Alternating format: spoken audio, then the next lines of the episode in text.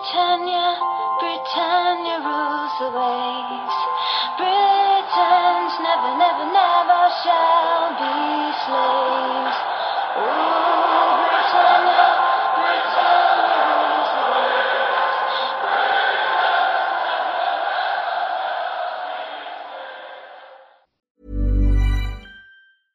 Hey, folks, I'm Mark Marin from the WTF Podcast, and this episode is brought to you by Kleenex Ultra Soft Tissues, your ally to help tackle your allergy symptoms this season. I love the change of seasons, but nobody loves pollen and all those other things floating in the air that make you sneeze during this nice weather. Kleenex Ultra Soft Tissues are hypoallergenic and allergist approved, so fight back against watery eyes and runny noses without worrying about irritating your skin. For this allergy season, grab Kleenex and face allergies head on. Britannia, Britannia rules the waves. Britons never, never, never shall be slaves. Rule Britannia, Britannia rules the waves.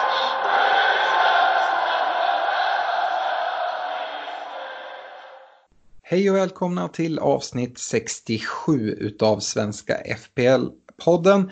Vi närmar oss jul och eh, den härliga Boxing Day. Vi spelar faktiskt in söndag idag och eh, Game Week 18 har hyfsat nyligen avslutats. Eh, vi ska syna den Game Week 18 som vanligt och kika in lite snabbt i poddligan, kolla in poddlaget.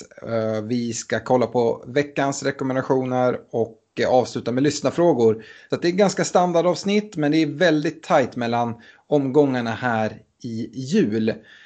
Som eh, vanligt så sponsras podden av vår spelpartner Coolbet som var så snälla och gav oss 2,02 i odds på Wolves seger borta mot Norwich som jag rekade förra veckan.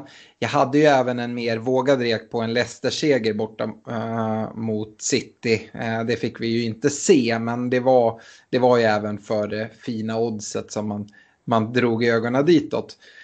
Nu eh, tänkte jag vända mig mot Norwich igen. Eh, jag tyckte att det var ett fint odds faktiskt på att de ska vinna borta mot Aston Villa. Det är hela 3,4 gånger pengarna. Eh, långt ifrån säkert såklart, men eh, Villa är det lag som släpper till mest avslut och jag tycker faktiskt att Pukki börjar se, se riktigt bra ut. Eh, kom ihåg att spel är enbart för dig som är över 18 år och tänk på att spela ansvarsfullt. Vi tackar även övriga sponsorer i Dynamo Sports, Glenn Sportsbar och Unisportstore.se som ser till att vi har så fina priser i poddligan. Och eh, med det Stefan tänkte jag börja med, vi ska göra en matchgenomgång men eh, Eh, våra kära serieledare Liverpool, de har ju varit iväg och vunnit klubblags-VM och tycker att det kan vara värt att göra ett litet nedslag i Liverpool och, och prata Liverpool. Och du får gärna ta, ta ton. Ja men absolut. Eh, de vann klubblags-VM men man, men man fick slita hårdare än vad man nog hade beräknat med. Eh, Då man först eh, eh, vann semifinalen via straffar och eh, finalen så vann man på eh, förlängning. Eh, Alltså 105, 15 eh, gånger 15 minuters förlängning. Eh, Men vem är egentligen förvånad att eh, det är just Liverpool som vinner matcherna på det här sättet? Det har vi ju vant oss vid vid det här laget. Eh, och man får väl fortsätta äta upp sina ord gällande Liverpool, men jag tror ändå att det här mästerskapet kan sätta lite eh, spår i deras ligaform eh, kommande veckorna, då energinivåerna borde eh, börja gå på sparlåga eh, snart kan man tycka. Eh, om man kollar på de spelarna då, som spelade mest i klubblags-VM så, som även kan ha intresse i fantasy så var det ju framförallt Salah och Robertson som eh, Eh, fick slita allra hårdast eh, då de matchades eh, 90 plus 120 minuter i de här två matcherna. Sen byttes av i, men både Trent, Mané och Firmino behövdes bytas in i den första matchen där, där det såg skakigt ut och sen spelade de hela eh, sista matchen förutom Firmino som byttes ut efter, efter 100 minuter ungefär. Eh, så jag tror att alla eh, de här kan vara lite slitna nu när de kommer tillbaka. Dessutom ska de eh, resa långt för att, att komma hem till England igen. Så att ja, det är väl lite min syn på Liverpool att eventuellt så, så kan det vara lite energifattigt där. Samtidigt så ska de ju ta sig an Leicester borta, vilket är en tuff match. Men, men just en sån match kan ju såklart motivera dem till att hitta tillbaka till, eh, till eh, energinivåerna igen. Ja, verkligen. Nej, men det är intressant det med, med Liverpool. Och, eh, vissa har ju gjort sig helt rena på, på Liverpool-spelare, men de allra flesta har väl eh, behållit någon Liverpool-spelare. Och eh, ja, det, det, det, är svårt att bänka en Liverpool-spelare, men det är precis som du säger, det kan, eh, det kan finnas spår kvar från, från klubblags-VM. Jag tänkte gå in i eh, matchen till Leicester som City vinner med 3-1 och det passar ju ganska bra nu när när Leicester äh, ska möta Liverpool i, i Game Week 19. Och äh, ja, vi börjar med City ändå. En riktigt skön seger här, även om avståndet upp till Liverpool känns ganska hopplöst. Eh, skadade Agüero fick ett sista minuten inhopp och borde snart vara redo för att starta. Eh, om man jagar skulle det ju kunna vara en chansning för att sticka ut. Men ja, jag tycker nog kanske att det är lite för tidigt redan inför Game Week 19 ändå. Eh, Kevin De Bruyne däremot, ja, han fortsätter att imponera och har faktiskt lite otur även den här gameweeken att bara få en assist i matchen. Med bland annat en stolpträff och Eh, som eh, Kevin De Bruyne-ägare är jag i alla fall väldigt glad över att se hans offensiva utgångsposition. Han är väldigt framskjuten. Eh, precis i matchens slutskede så haltar han av men det är bara på grund av kramp så det ska inte vara någon fara så. Dock kan det ju ge indikationer på att viss rotation kan vara nödvändig här framåt och då kunna drabba vår käre Kevin. Eh, Mahrez, ja, eh, en väldigt imponerande insats även här. Eh, och det hade varit en spelare som jag verkligen hade kikat närmare mot om han hade haft en säkrare startplats. Och det är ju sådär med City nu med det här tajta schemat. De har en väldigt bred trupp eh, med tajt spelschema och kan, eh, alltså vi ska förvänta oss rotation här framåt. Eh, framförallt så inträffar Game Week 20 mindre än 48 timmar efter Game Week 19 för Citys del. Av den anledningen att eh, City inte spelar Boxing Day utan de spelar på fredagen. Så de spelar fredag-söndag. Det gäller för dem och Wolverhampton. Eh, ja, personligen gör detta att jag håller mig ifrån kaptensbindel på City-spelare inför Game Week 19 nu. Även om man såklart lockas av Kevin De Bruyne och hans Eh, jättefina form. Men eh, som sagt, eh, gå ut med kramp och sen så är det inte långt till, eh, till nästa match. Ah, jag tror att vi kan få se lite rotation. Eh, vi kan även konstatera att eh, det eh, verkar vara Gündogan som får förtroendet att slå straffar då Agüero ej är på plan. Eh, om vi går vidare till det andra City och då Leicester City så Ja, i den här matchen så blev de ljusblåa från Manchester för tuffa. Men eh, Vardy, ja han fortsätter att göra mål och kniper dessutom maximala tre bonuspoäng. Eh, det var väl inte direkt jätteöverraskande att Vardy skulle få bra omställningslägen mot City och eh, han kan mycket väl ta poäng mot ett Liverpool som väntar nu på Boxing Day hemma på King Power Stadium. Vardy hade även fler lägen, spelade bland annat fram till Barnes och ett jätteläge men fick se det missas. Eh, jag tycker James Madison är också en spelare som kan ta poäng mot vilket motstånd som helst med sin fot på fasta situationer. Men eh, defensiva Leicester-spelare gör man nog bäst i att sätta på kvisten nu inför Game Week 19 ändå. Eh, efter Game Week 19 så fortsätter dock fint schema och tre Leicester-spelare känns som ett bra alternativ. Och eh, ja, det finns ju ingen anledning att argumentera för andra spelare än Vardy Madison. Men kanske även då Syunsho som eh, ni vet att vi håller kära här i podden. Yes, jag vill bara förtydliga med Liverpool. Jag tror absolut, det är klart att de kan fortsätta vinna matcher i, i ligan, men jag tror inte att det kommer vara några storsegrar nu eh, kommande veckorna i alla fall. Eh, och det baserar väl mer på att eh, jag tror att det blir liksom att de grindar ut resultat eh, mer i sånt fall. Eh, och det, det, det, gör att jag inte är lika liksom, desperat på att få in eh, Liverpool-spelare i det här läget.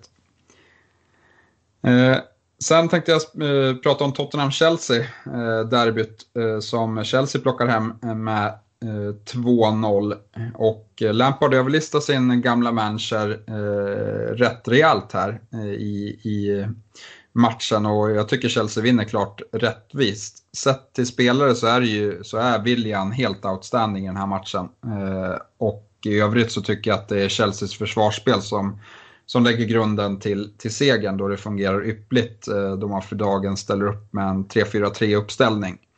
Eh, faktum är att man endast släpper till ett eh, blockerat skott på mål eh, från Keynes sida på stopptid. Eh, I övrigt har inte Tottenham en, eh, ett enda skott på mål. Eh, Pulisic då, eh, han som har vi ju varnat lite för i podden här, i förra podden i alla fall. Eh, både du och jag plockade bort han från våra rekar, Alex. Och han fanns på bänken och blev kvar där hela matchen. Så att hans läge ser lite tuffare ut i Chelsea. Medan Abraham fortsatt har det svårt med målfabrikationen. Men jag tycker ändå att det finns fortsatt positiva Eh, tendenser från Abrahams sida. Eh, och som sagt, eh, Chelsea gör det bra i den här matchen och kan förhoppningsvis ta med sig lite av det här momentumet in nu i, i sina kommande matcher. Kollar vi på Eh, Tottenham då, så var det här eh, Spurs första riktiga bottennapp sen Mourinho tog över. Eh, och till råga på allt så drar ju Son på sig ett idiotiskt rött kort för en eftersläng. Och kommer nu bli borta i tre omgångar. Eh, och både jag och poddlaget eh, hade ju bytt in honom till den här omgången, så det var ju en stor besvikelse. Eh, och om man ska kika på övriga spelare så är det väl ingen som kommer upp riktigt till, till någon bra standard i Spurs. Om man ska ta med sig någonting positivt så tycker jag att det är fortsatt Oriers ägare som, som kan ta med sig det. Att han är Eh, väldigt, väldigt offensiv och eh, återigen så rankar han bra i bonussystemet. Så att eh, där kan det komma poäng om, om Spurs får ordning på sin defensiv någon gång. Ja, om jag inte har helt fel så är det här Sons tredje röda kort kort under året, kalenderåret 2019. Och alla tre skulle man ju kunna hävda är eh, Eh, form av efterslängar eller sätt att ge igen på. Och, aj, det är riktigt jobbigt för alla sonägare där ute och dessutom ganska populärt kaptensval här i Game Week 18. Eh, jag ska gå vidare med en annan helt bedrövlig match och det är Watford-Manchester United där eh, tabelljumbon vinner med 2-0. Men om vi börjar med det här Manchester United så Eh, jag kan inte säga att jag längre blir förvånad över de här resultaten mot på pappret sämre lag. Eh, det är just denna oro som har gjort att jag exempelvis inte har valt att plocka in några United-spelare i mitt lag trots det så kallade fina spelschemat. Eh, det kanske är lite typiskt att David de Gea gör en riktig supertavla till 1-0. Men det stora problemet är trots allt att man inte kan skapa lägen och sätta dit dem mot dessa typer av motstånd. Kommande två matcher med Newcastle hemma samt Brunka Burnley borta på Turf Moor skrämmer mig faktiskt ordentligt som United-supporter. Eh, om man trots allt har tagit in Rashford så skulle jag inte byta ut honom ändå. Eh, men det är väl egentligen den enda spelare som man kan sitta kvar med lite tryggt sådär egentligen. Eh, I övrigt, eh, enda ljusglimten är att eh, Paul Pogba är åter från skada och får ett inhopp på 25 minuter där han faktiskt såg riktigt pigg och spelsugen ut. Och enligt mig är Uniteds bästa spelare trots bara de här 25 minuterna på, på planen. Det kanske säger en hel del om de övriga. Hoppas att det kan hänga i i alla fall. Det kommer behövas här lite sämre motstånd och hoppas att Pogba är redo för, för start här snart. Watford, ja de vinner sin första hemmamatch för säsongen och går från totalt nio gjorda mål till elva. Eh, det är inga fantasyspelare som lockar trots okej okay matcher tycker jag. Eh, Dokore är avstängd nästa match här. Eh, och sen Stefan tänkte jag passa på att i sånt här eh, nederlag för United som United-supporter tänkte jag skicka med en fråga. Kan du gissa vilket som är det enda andra laget som Watford har gjort två hemmamål på den här säsongen? Det kan vara Arsenal. Jajamän. Uh, yes. Eh, uh, Norwich-Wolverhampton eh, då, som Wolverhampton vinner med 2-1. Och det här är en match utav två ansikten där Norwich är klart bäst i, i första halvlek medan Wolves eh, käkar sig in och är, är det bättre laget i, i andra och eh, vinner till slut eh, som det topplag man börjar etablera sig som skulle jag, skulle jag säga. Eh, Jiménez är återigen med i målprotokollet eh, och eh, tillsammans med Traoré och Doherty så tycker jag att eh, eh det är de tre bästa spelarna i, i Wolves eh, offensivt sett här. Jota som har varit bra på slutet, han är mer osynlig i den här matchen. Och ska vi blicka lite framåt så tror även jag att Doherty kan få det lite jobbigt att motivera sitt högre pris nu med eh, svårare matcher på schemat då jag inte tror att eh, Wolves kommer hålla så många nollor.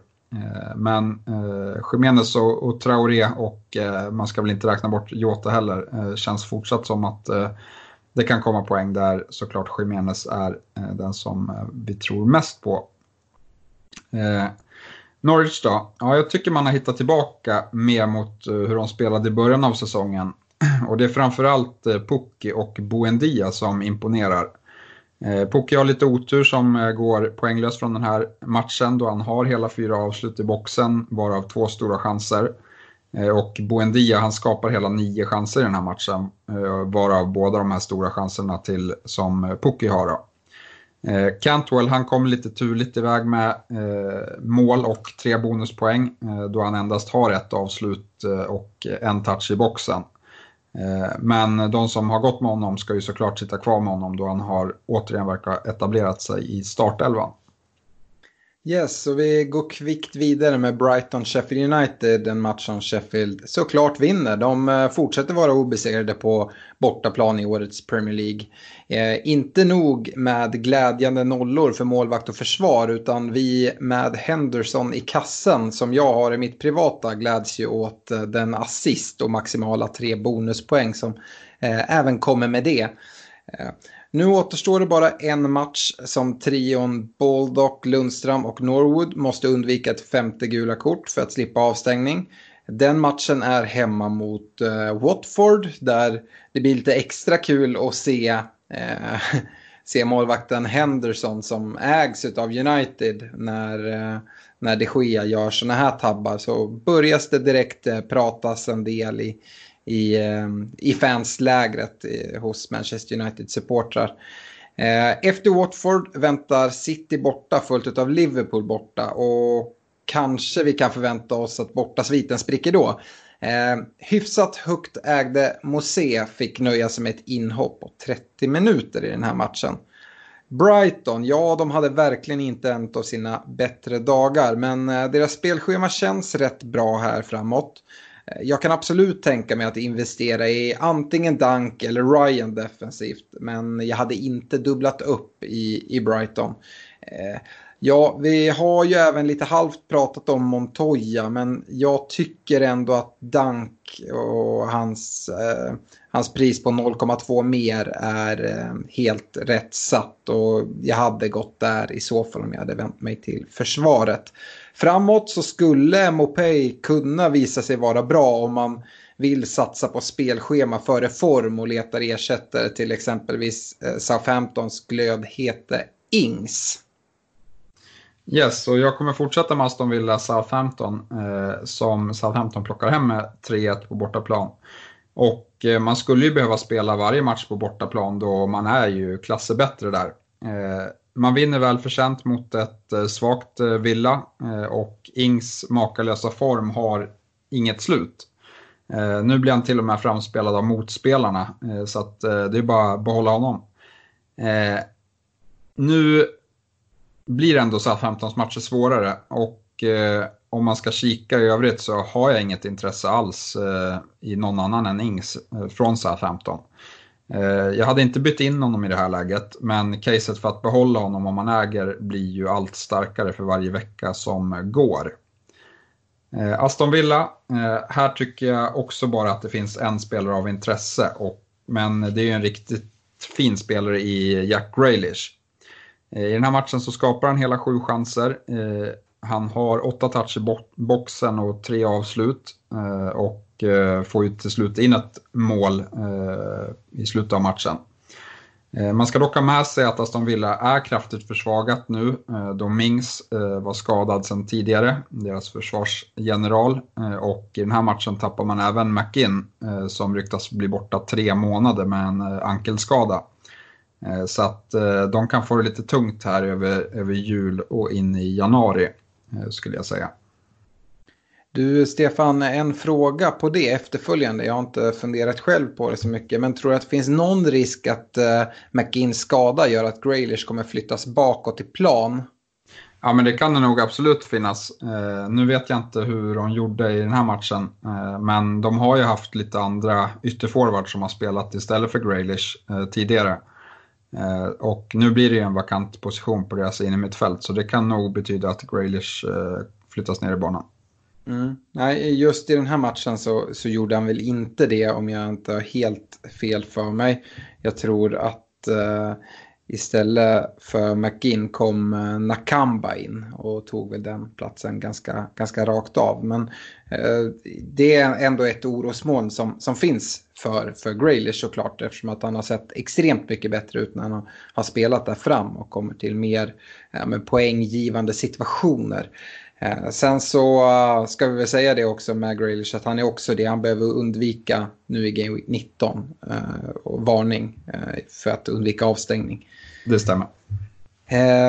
Newcastle Crystal Palace, en, en match som Newcastle vinner med 1-0. Crystal Palace fortsatt målsnåla åt båda håll. Men denna vecka blev det en i baken skapar ganska lite framåt som vanligt. Så jag tror de fortsatt kommer hålla hårt i sin, eh, sin defensiv. Och då blir målvakt eh, Guaita och backlinje såklart intressanta med deras fina spelschema. Eh, det som eh, de väl skapar är mycket via Patrik van Anholt som står för fem skapade chanser i den här matchen. Och det kan mycket väl vara den bästa vägen in i Pallas defensiv om man är beredd att investera lite extra utöver populära Kelly till exempel. Eh, försvaret ska sägas bör även bli ännu starkare nu när Sakho har avtjänat sin avstängning. Newcastle, ja, jag var inne på det redan förra veckan att Newcastle skulle ha hyfsade chanser till nolla hemma mot Palace och just så blev det. Eh, lite tuffare schema väntar och inte mycket till intressanta spelare. Jag avstår Newcastle som vanligt. Ja, och vi noterar att eh, de är på övre halvan av tabellen. De som vi trodde skulle åka ur. Ja, jag, eh, jag, jag håller det inte som omöjligt att de åker ur ändå. Nej, men de har, de har börjat skapa sig ett uh, fint, uh, säkerhet, en fin säkerhetsmarginal just nu i alla fall.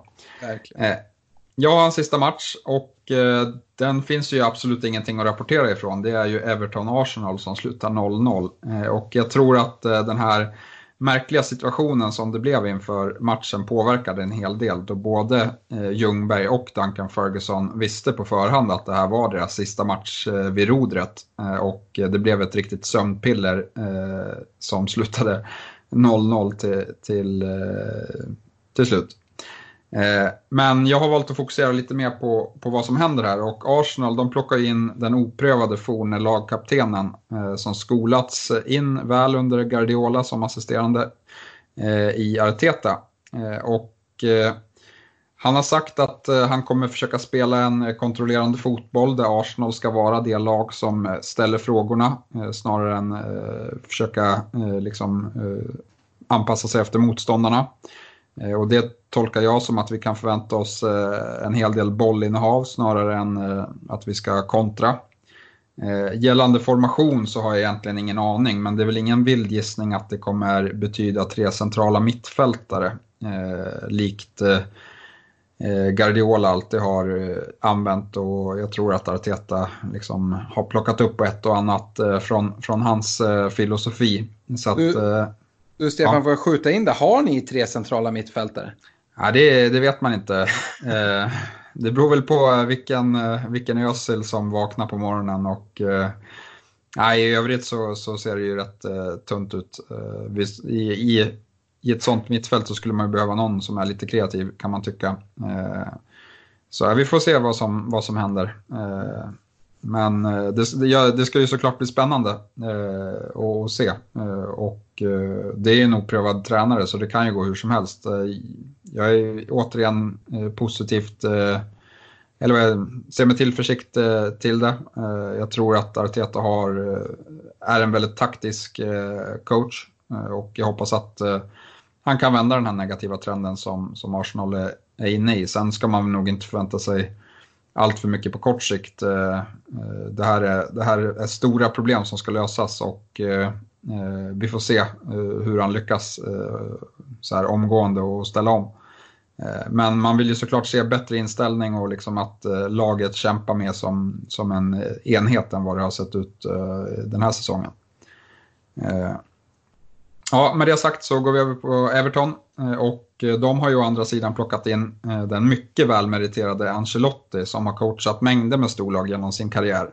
Och det här är väl egentligen det eh, laget som eh, känns som att eh, oj, är det här ett väldigt steg ner för Ancelotti.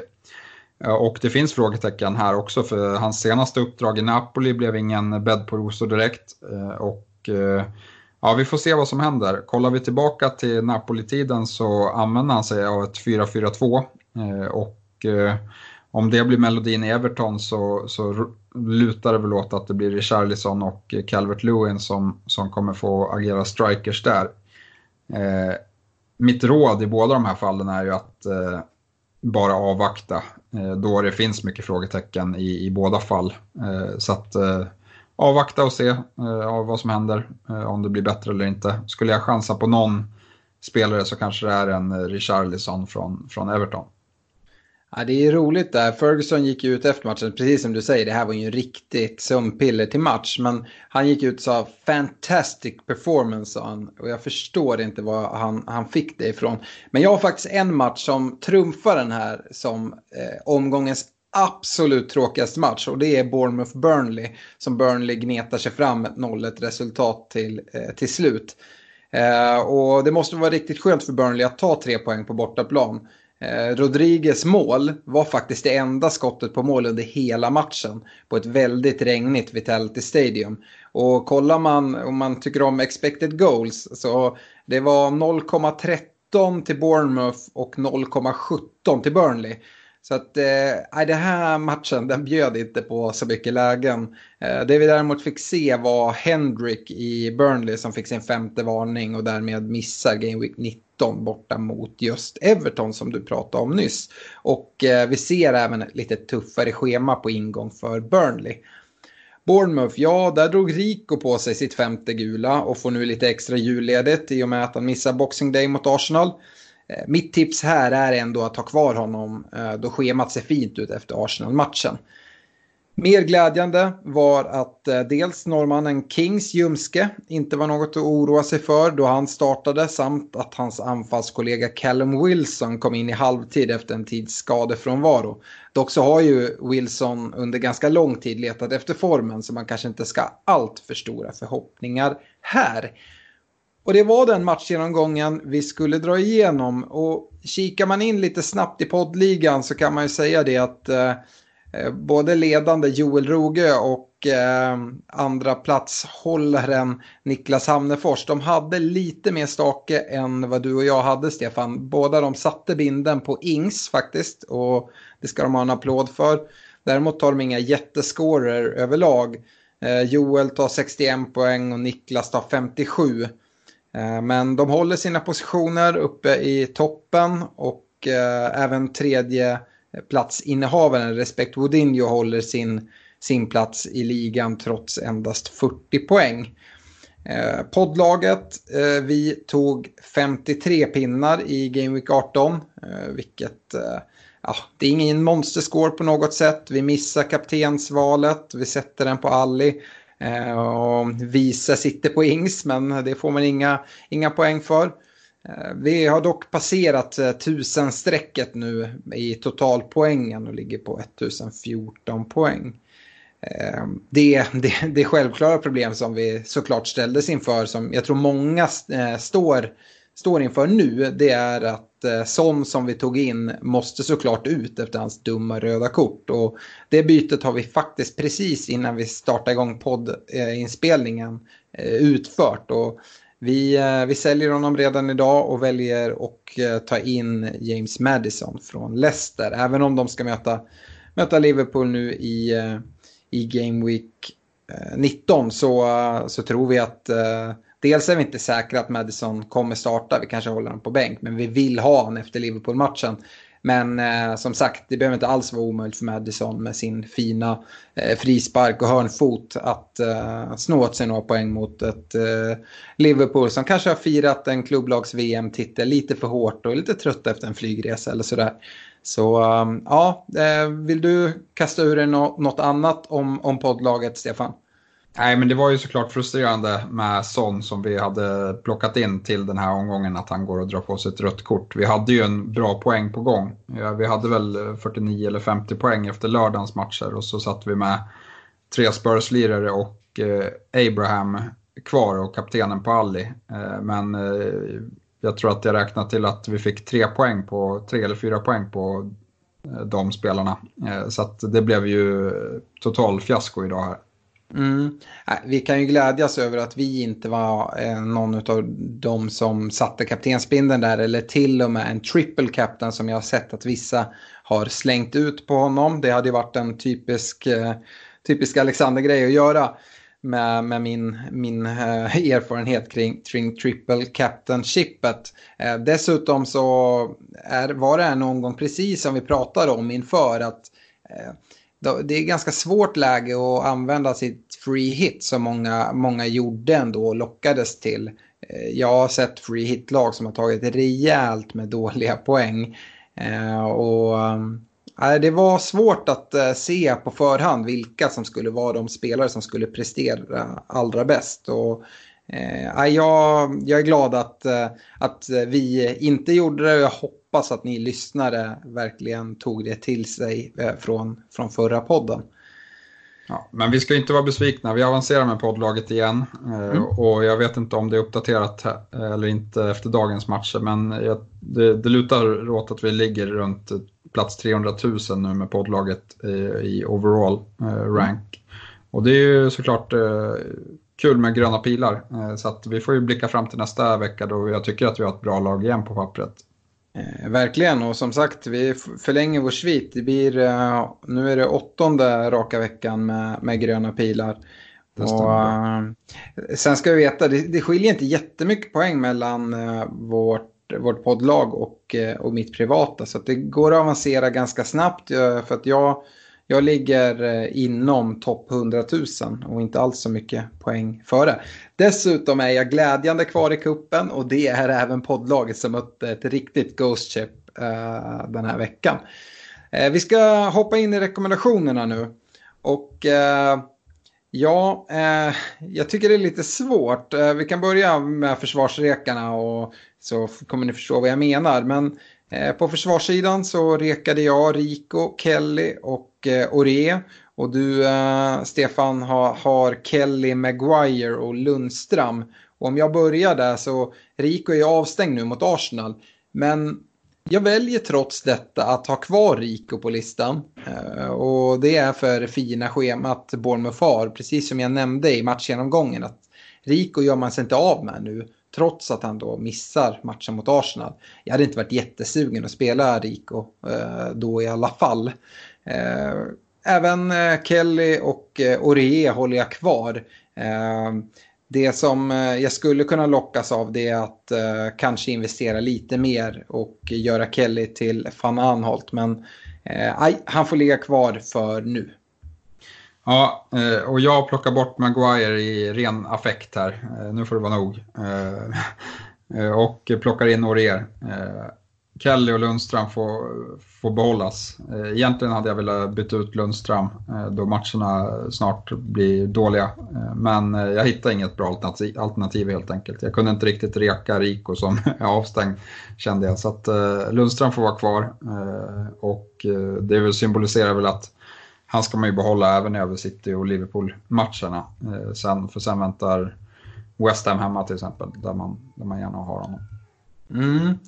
Eh, på, på mittfältet, om vi vänder oss dit, så sitter jag väldigt fint med mina mittfältsrekar. Men såklart måste ju Son plockas bort. Eh, utöver Son så är det Kevin De Bruyne och Graylish som jag har där. Och eh, det måste jag säga är jag väldigt nöjd med. Du Stefan, utöver Son som även du har så har du Mané och Pulisic. Nej, Pulisic måste du tagit Nej. bort förra veckan. Gray, Graylish har ja.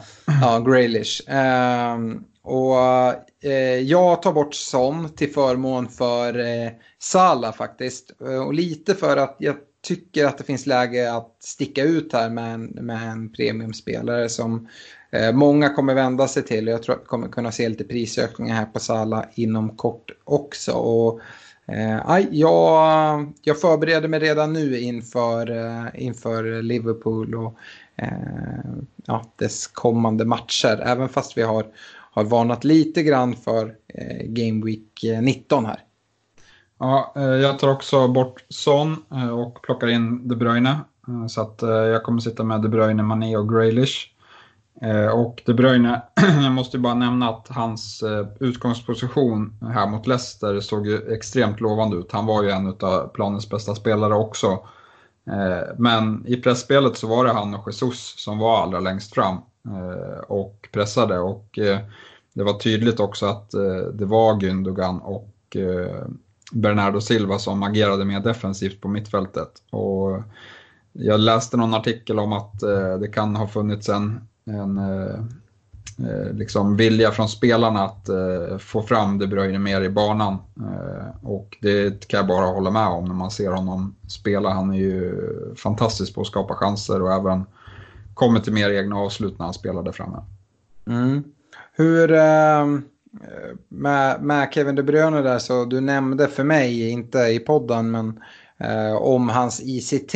Vi har ju eh, pratat om det lite förut när vi har pratat statistik, men det är ju kortfattat att eh, man vill ha en väldigt hög siffra i och då borde det betyda att man, man tar mycket poäng. Han hade en väldigt hög ICT den här gameweeken som kanske Eh, borde indikera på att det skulle vara högre, högre poäng än vad det blev.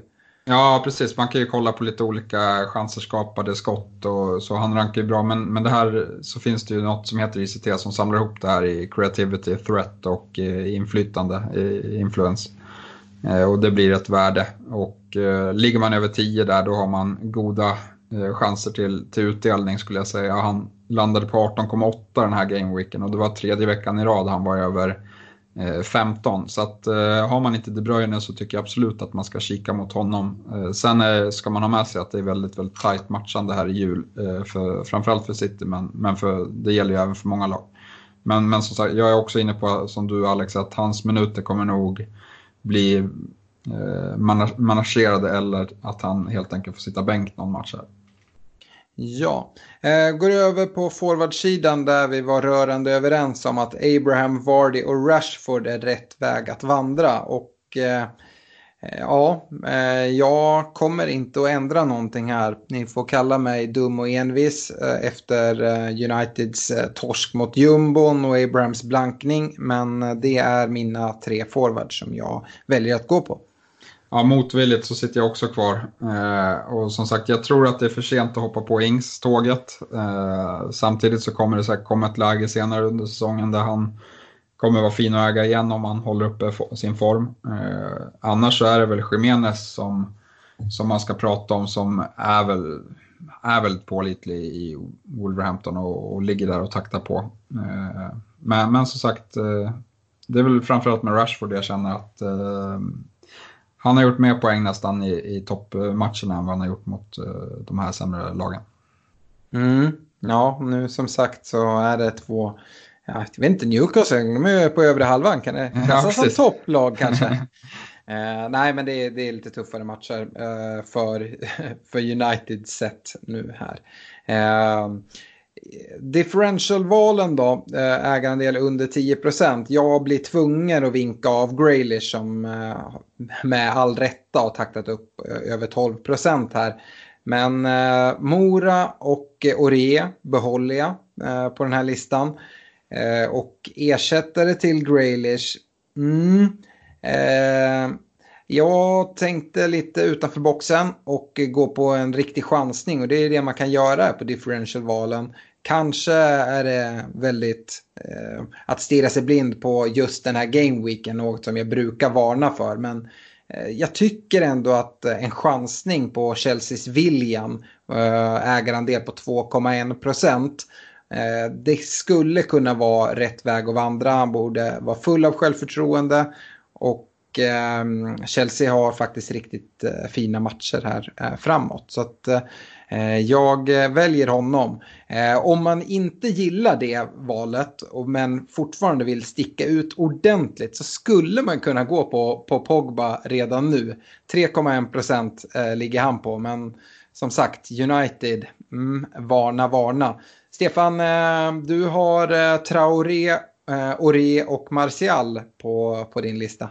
Ja, och jag har ju plockat in Orja på backen så då har han fått eh, flytta på sig på differential-valen eh, och då har jag plockat in Mora istället. Och eh, det är mycket baserat på Sons avstängning eh, då jag tror att det borde leda till mer speltid för, för Mora under de här tre omgångarna och eh, de tre omgångarna är även bra matcher för Tottenham eh, som de borde kunna ha bra chanser i allihopa.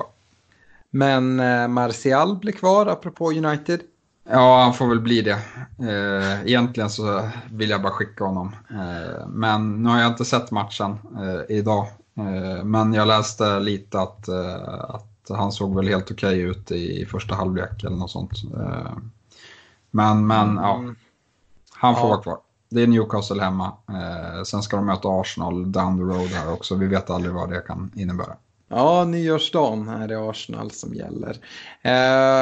Vi ska gå vidare med en kaptensdiskussion inför Game Week 19. Och uh, varför inte börja i uh, toppmötet mellan Leicester och Liverpool? Vi har ju pratat där om uh, att det kan vara en del trötta huvuden och ben i, i Liverpool. Är det ändå något som, som kan locka eller uh, Vardys ja, tryggheten med Vardy, är det något, någon väg man kan vandra? Ja, det kan man absolut göra. Alltså Vardy ska nästan alltid vara med i kaptensdiskussionen. Eh, just eftersom vi såg det här mot City. Leicester blir mm, fullständigt utspelade. Eh, men de får några omställningslägen. Vardy sätter dit ett av dem och han får tre bonus. Så att, eh, nej, han ska ju vara med i en kaptensdiskussion även mot Liverpool skulle jag säga. Är det den spelare i den matchen som du tycker eh, ligger längst fram i, i en kaptensdiskussion till och med före spelare som Mané eller Salah? Ja, för mig är det det. För jag är väldigt osäker på vilket Liverpool vi kommer få se. Mm. Eh, det är ju såklart en toppmatch, men, men liksom har de kraften att ställa om här efter klubblags-VM, det, det är jag mer osäker på. Nej, jag, jag håller med där. Och skulle det vara så att vi får se en Leicester-vinst eh, eh, då skulle det kunna vara något, även om det känns extremt långsökt. Men någonting som kan trigga igång City och säkerligen något Pep kommer trycka på eh, för hans gubbar. Eh, City, jag sa ju det i min matchgenomgång att jag är väldigt försiktig med att sätta en bindel på en City-spelare. De ska möta, dessutom möta Wolves bort borta och vi vet att eh, eh, Wolves älskar att möta storlagen precis som United. Eh, är det ändå någonting som skulle kunna locka? Som sagt, för mig lockar ändå Kevin De Bruyne, men eh, jag är för feg. Ja, nej, det lockar absolut. Eh, jag satt ju och kollade på, på City Leicester och eh, hade även De Bruyne som kapten i mitt privata lag. Så att jag var ju väldigt besviken med utfallet, men jag kunde inte önska mig så mycket mer från hans prestation som var fantastisk. Eh, men som sagt, han tog ut så mycket i den matchen. Eh, kanske har lite känningar efter, efteråt. Och nej, eh, det här är en svår bortamatch mot Wolverhampton. Så den här matchen är inte lika sugen på att sätta De Bruyne. Även om han har sett väldigt, väldigt fin ut på slutet. Ja, vart, vart vänder man sig då? Son kändes som ett, ett bra alternativ. Spurs eh, fortsätter ha hemmamatch och nu mot ett ganska bortasvagt Brighton. Ja, det är bara för att liksom fylla på eländet här med minusbyten och ta in Son och sen hade man faktiskt eh, tänkt ha, jag hade tänkt ha honom som kapten här mot Brighton, som, ett Brighton som har haft det jobbigt borta och även kanske liksom, i vissa matcher faller igenom lite grann. Och, eh, jag tror att eh, Tottenham hade, haft fina chanser där. Nu är jag mer osäker på Tottenham just eftersom Son är borta och han är en av deras bästa spelare och det kan ju leda till att, eh, att Tottenham får det svårare den här matchen. Mm. Så att jag, är, jag är inte sugen på kapten Ali som jag också äger. Nej. Om du skulle sitta på Kane så antar jag att du inte är så sugen där heller. Då är det väl ett alternativ såklart, eh, mm. hemma mot Brighton. Eh, men, men jag har inte tänkt så mycket de banorna. Eh, jag tycker inte att han imponerar så mycket heller. Men han kan absolut göra två baljor i en sån match. Ja. Chelsea tar emot Southampton hemma på Stamford Bridge. De slår ner Spurs borta på Tottenham Stadium. Eh, är, kan det vara något eller vart, vart kollar du? Vart börjar du gräva i för att hitta kaptensbindlar inför den här ja, kanske lite kluriga Game Week 19 nu? Ja, nej, jag är, jag är nog eh, nöjd bara med att äga Abraham i den här matchen. Jag tycker att det ser bra ut på förhand, men jag vill heller inte betta på att hans eh, liksom, måltorka ska brytas just i den här matchen. Eh, och Southampton har dessutom varit bättre på bortaplanen än hemma. Så att det är inget jag vill gamla på, men jag äger honom gärna. Mm. Uh, Jättegrej, uh, jag har sett flera har gjort det här tidigare. Ingen som kanske har fått maximal utdelning på det. Men Sheffield United tar emot tabelljumben Watford hemma. Uh, Lundström. Ja, nu är jag faktiskt lite sugen på Lundström. Ja. Eh, nej, men li lite likt du, som du bollade upp Ings i, i förra podden och som vi senare eh, satte binden på under hela veckan fram till att Hasenhüttel kom med sina sjukdomshistorier. Eh, så nej, jag gillar vad jag hör eh, med Lundström. Eh, jag tror att eh, en nolla ligger nära till hans och eh, skulle vi kunna få lite offensiv utdelning på Lundström då blir det fina poäng. Mm, absolut. Eh, om vi nu kollar på det, det är en tuff game week. Vad, eh, har du något namn som, som du lutar allra mest åt nu när det inte kommer Bison då uppenbarligen?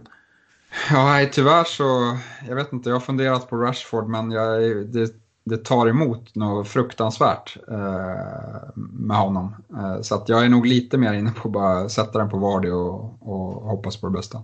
Ja, Vardy brukar vara ett, eh, ett, ett, ett bra case. Eh, så att, eh, ja, jag jag, ty jag, tycker det är jättesvårt och jag tror att vi kommer se en hel del olika kaptener även Game Week 19. Eh, men eh, ja, eh, hade man kunnat fått en garanti på Kevin De Bruyne start då, då så hade, hade den hamnat där för, för min del i alla fall. Men det kommer vi inte få. Nej, jag, jag avvaktar där och väljer att invänta närmare närmare deadline och gå på lite känsla i sista, sista sekund helt enkelt. Eh, vi ska säga det att eh, deadline för Game Week 19 är ju på Boxing Day eh, torsdag 12.30. Och det är Spurs Brighton som eh, startar igång Game Weeken helt enkelt. Vi eh, går in på lyssnarfrågor och eh, jag tänkte börja med Linus Karlsson som skrev till oss och eh, han eh, vi har ju pratat lite differential och så, men han ligger rejält efter i sin liga och behöver hitta några eh, riktiga outsiders som skulle kunna göra att han flyger upp i ranking. Och undrar, har vi några high risk, high reward spelare? Du har väl nämnt Pogba? mm, det är high risk ska man ju veta, men uh, ja. Eh, Agüero finns ju under 10% men jag hade tvekat för att Jesus tycker jag har gjort det bra under den här tiden. Jag tycker att eh, liksom, man märker på Pep hur han firar när det går bra för Jesus att han, eh, ja, han gillar att ge honom chanser. Eh, så att eh, jag hade tvekat på Agüero också faktiskt. Mm. Eh, men som sagt, Graylish är ju en spelare som ägs av lite mer än 10% som både du och jag gillar väldigt mycket. Mm. här. Och eh, spelschemat ser bra ut där, så han hade jag ju absolut bytt in om jag låg efter. Mm. Ja. Kan det vara en chansning nu? Jag är beredd att du ska skjuta ner den snabbt, men jag tänker med, med ny tränare i Arsenal, det är absolut high risk, men eh, en spelare som Lacazette eller Aubameyang, skulle de kunna ta fart nu under Arteta? Ja, men jag, jag, vill, jag vill se lite, någon match först. Mm. Den spelare som jag är mest intresserad av just nu, men det är ju väldigt osäkert om han kommer få fortsätta spela från start, det är ju Martinelli som en billig eh, forward. Eh, han tycker jag imponerar fruktansvärt mycket, men eh, ja, som sagt, eh, vi får se vad Arteta gör. Jag har mm. inget namn i Arsenal som jag är sugen på just nu. Nej, jag, jag tycker det är jättesvårt. Jag är ju inte en, en manager som tar speciellt mycket eh, stora risker sådär, utan försöker vara mer eh, beräknande än så. Och i ganska få lägen så tycker jag ändå att när man tar de här jättestora riskerna att man Eh, få, verkligen tjänar så mycket på det. Eh, man kan sticka ut på något kaptensval här och där men den stora risken med att gå helt bananas det är att man bara tappar ytterligare. Det är i alla fall min bild av det. Ja, det håller jag med. Eh, André Wideheim Ekelund, han undrar vilka premiumspelare som kommer roteras här i det här tajta spelschemat. Han eh, nämner Son, men han kan vi väl ta bort nu. Han kommer få en härlig julledighet. Eh, eh, men de han nämner är De Bruyne, Sterling, Salah, Mané, Abraham eh, och dessutom, ja. Ja, ja City, City tror jag kommer att rotera mer än, än Liverpool, men det, det, är lite speciellt i år då, då Liverpool har varit iväg på klubblags-VM, vilket kanske leder till mer rotation än vanligt eh, från Liverpools sida. Men Klopp brukar ju inte rotera fullt lika mycket i alla fall. Eh, absolut inte lika mycket som, som Guardiola. Eh, annars, Abraham tror jag kan... Eh, han, kommer, han är ju fortsatt först, men han kan nog eh, vilas eller bänkas någon match eller bytas ut tidigt. Eh, de har ju Batshuayi eh, som har fått eh, minuter. Eh, så det tror jag. Nej, jag tror vi kommer få se rotation i, i många lag. Eh, det tror jag. Och framförallt de här premiumspelarna egentligen för att eh, i de mindre lagen, de, de har inte de bredd, den bredden och den lyxen att kunna vila sina, sina bästa spelare. Utan de kommer starta vecka efter vecka.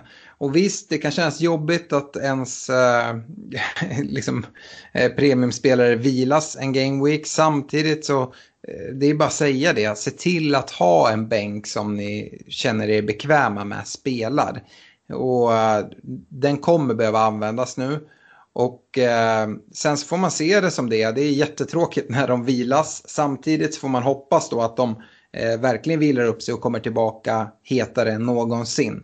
Och framförallt är det ju det att när vi har sett nu Boxing Day vilka spelare som, är, som börjar vilas ja, men då kanske man kan vara mer säker på att de får en start nästa gång och det är lättare med kaptensbindel och sådana saker. Så att man får försöka läsa det eh, på det sättet helt enkelt. Se till att ha en riktigt bra bänk. Eh, han har, eh, skjuter även in en fråga eh, kring vem man ska ha i sitt lag under julhelgen och säljer då Ings och Abraham mot varandra. Men eh, vår lyssnare Martin Popovac eh, lägger även med Rashford i den, eh, den trion.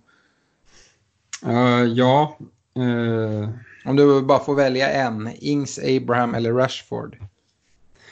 Ja, det tar emot. Uh, men Ings kan nog göra det bra.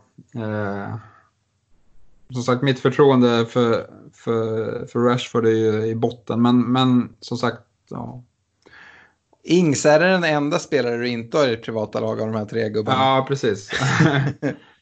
ja. Nej, men Abraham, ja, det beror ju mycket hänger på vad, vad Arteta pysslar med eh, i Arsenal här under jul. För att mm. eh, både Chelsea och United ska möta Arsenal eh, på Emirates.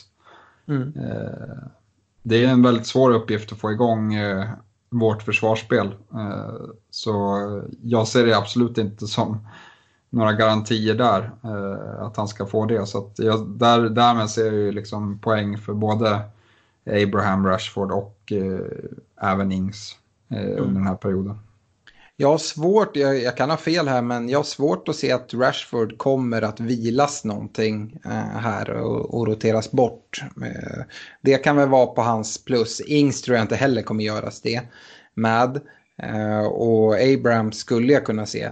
Eh, för, eftersom att det finns ändå en Batshuayi som står och väntar eh, på, på speltid. Så ja, jag vet inte. Jag, lite med hjärtat säger Rashford ändå. Ja, nej, men som sagt, jag tycker om man kollar på Chelsea och Uniteds kommande fyra matcher så ser jag ju mycket mål i de matcherna eh, för mm. båda lagen. Eh, mm. Så Eh, Jonathan Ledin ställde den frågan som vi lite har varit inne på. Är det värt att chansa på Pogba nu när han är med i matchtruppen? Den här frågan skrevs väl då innan de, de spelade tänker jag. Ja, det skulle kunna vara en, en bra chansning, men jag vet Alex hur länge han har varit borta. Han fick 25 minuters inhopp nu, det är bara 4-5 dagar till nästa match. Jag har svårt att se att han startar mot Newcastle. Ja, eh, det har jag också, men jag tycker ändå Pogba stärker sitt case ordentligt sett till hur han såg ut nu. Han var i riktigt spelhumör. Och uh, det fanns det ju vissa uh, tvivel kring hur gärna han vill uh, dra på sig en röd tröja. Och oavsett om han spelar för att visa upp sig och locka till sig intressenter eller vad det är så är det rätt ointressant. en så bra Pogba man ska komma ihåg det att eh, spolar vi tillbaka bandet ett år när eh, Solskär eh, kom in i, i United så hade ju Pogba en helt fantastisk jul. Eh, då kom han ju från ett annat läge och precis har kommit tillbaka från skada såklart. Men som sagt, här är väl en spelare man ska lägga in i den här high risk, high reward. Eh, man kan vara jättetidig på bollen men man ska veta att risken är ganska stor.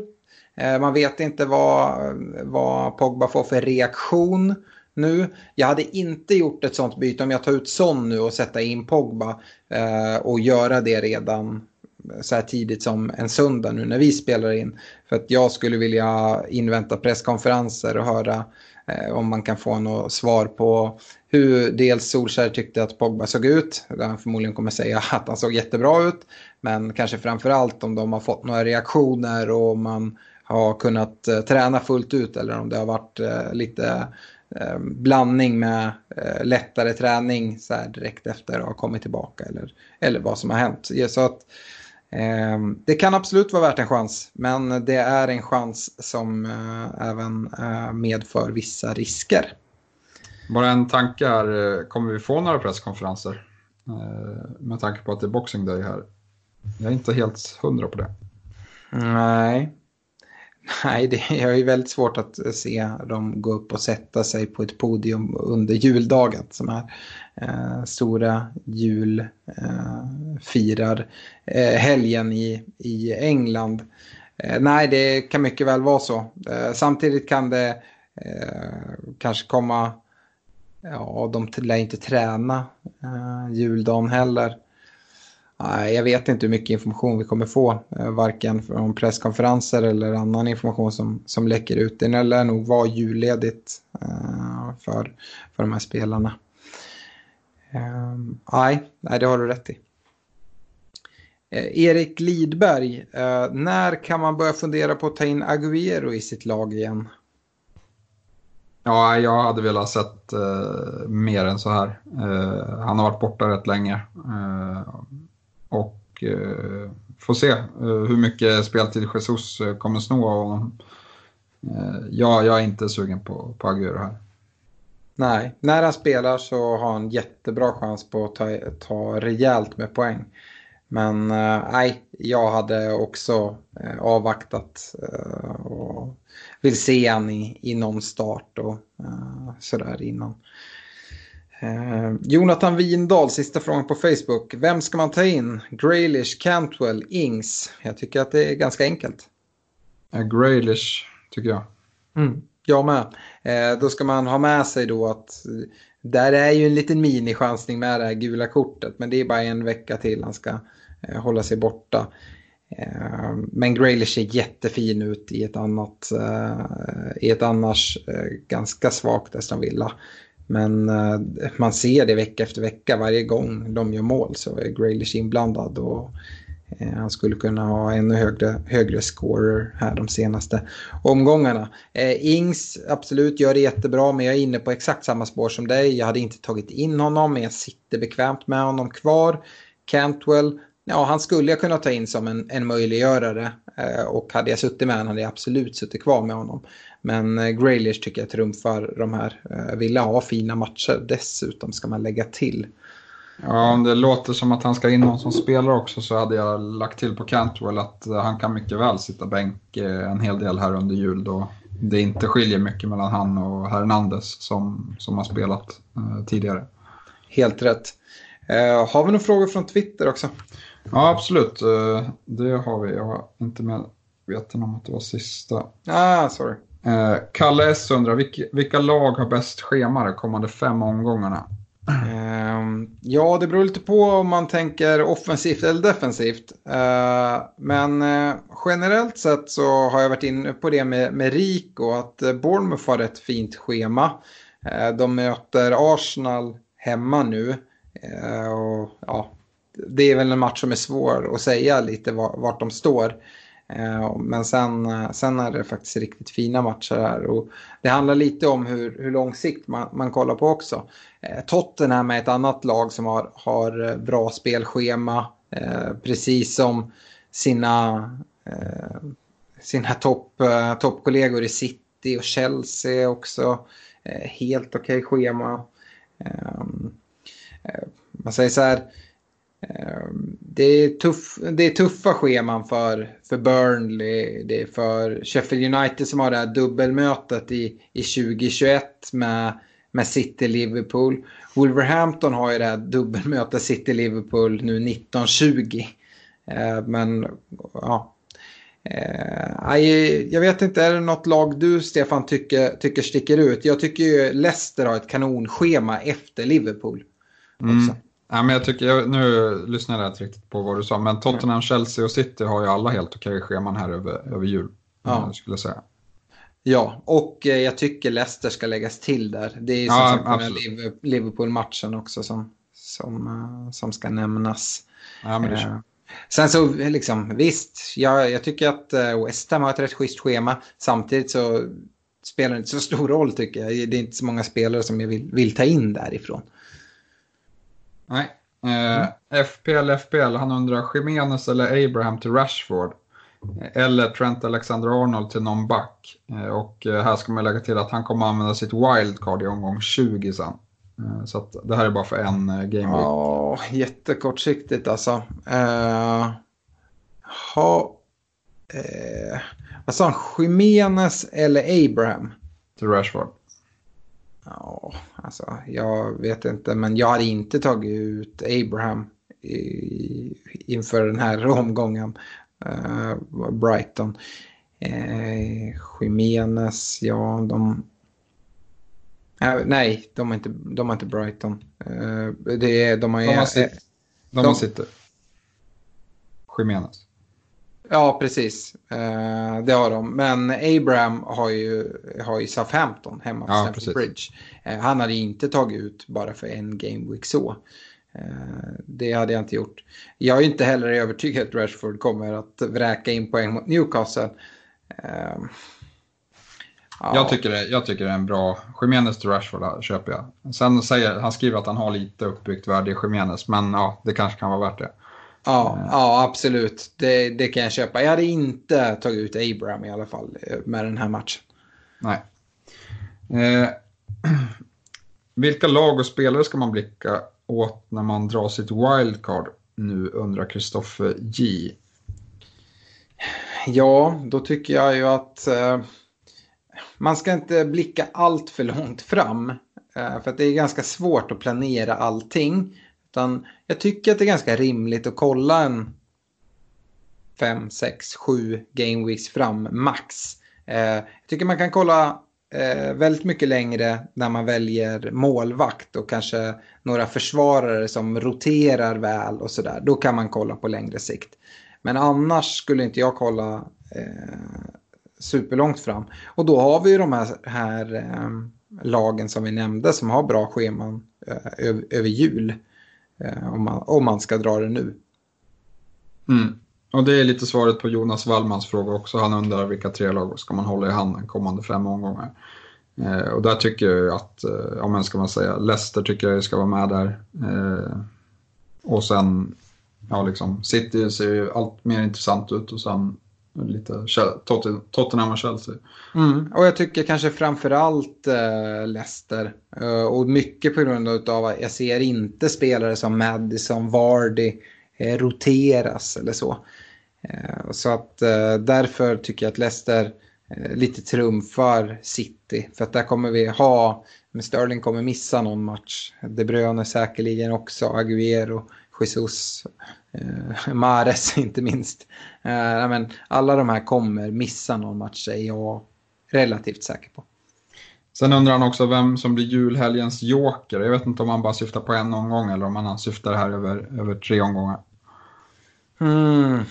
Ja, vad ska man eh, dra till med där? Vi, eh, men jag tror ju om det är liksom tillräckligt mycket för att vara en joker, men Graylish skulle mycket väl kunna vara det. Ja, då kastar jag in Mora då. Mm. Uh, så har han två. Se vem som går bäst där. Ja, Mora är ett uh, bra, bra shout. Som sagt, nu när, när Son är borta också så uh, hotas han inte så mycket av rotation. Nej. Eh, Andreas Albacka, eh, vad gör man med Rashford efter denna svaga insats? United tycks eh, inte presterar bra mot sämre motstånd. Nej, det, det har vi varit inne på.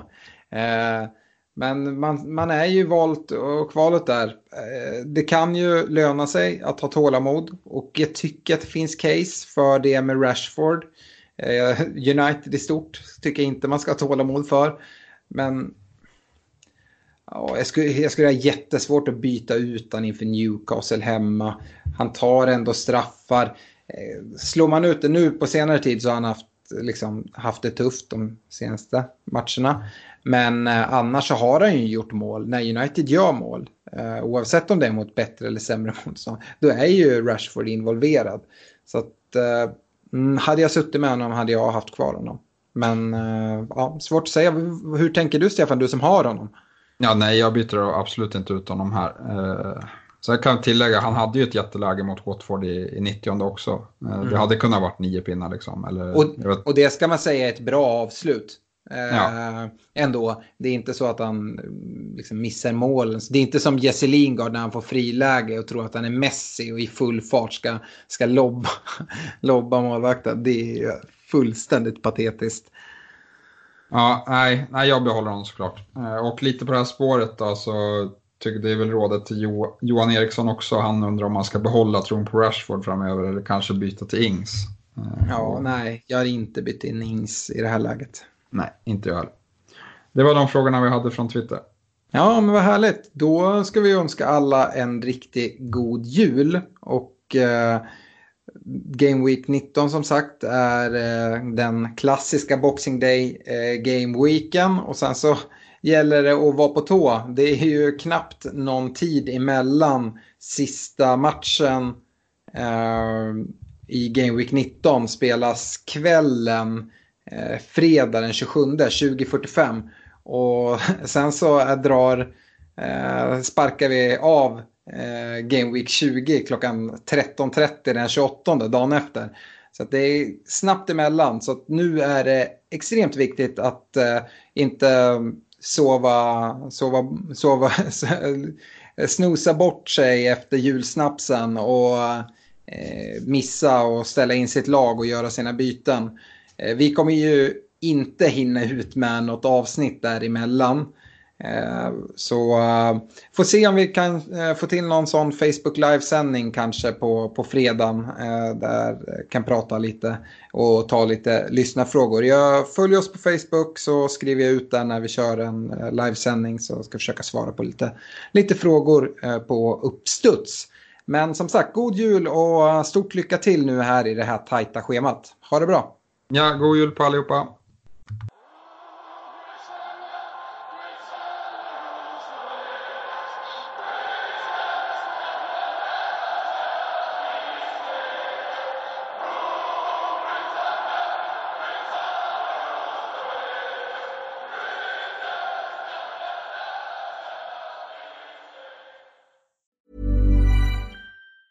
Normally, being a little extra can be a bit much, but when it comes to healthcare, it pays to be extra And United Healthcare makes it easy with Health Protector Guard fixed indemnity insurance plans. Underwritten by Golden Rule Insurance Company, they supplement your primary plan, helping you manage out of pocket costs without the usual requirements and restrictions like deductibles and enrollment periods. So when it comes to covering your medical bills, you can feel good about being a little extra. Visit uh1.com to find the Health Protector Guard plan for you.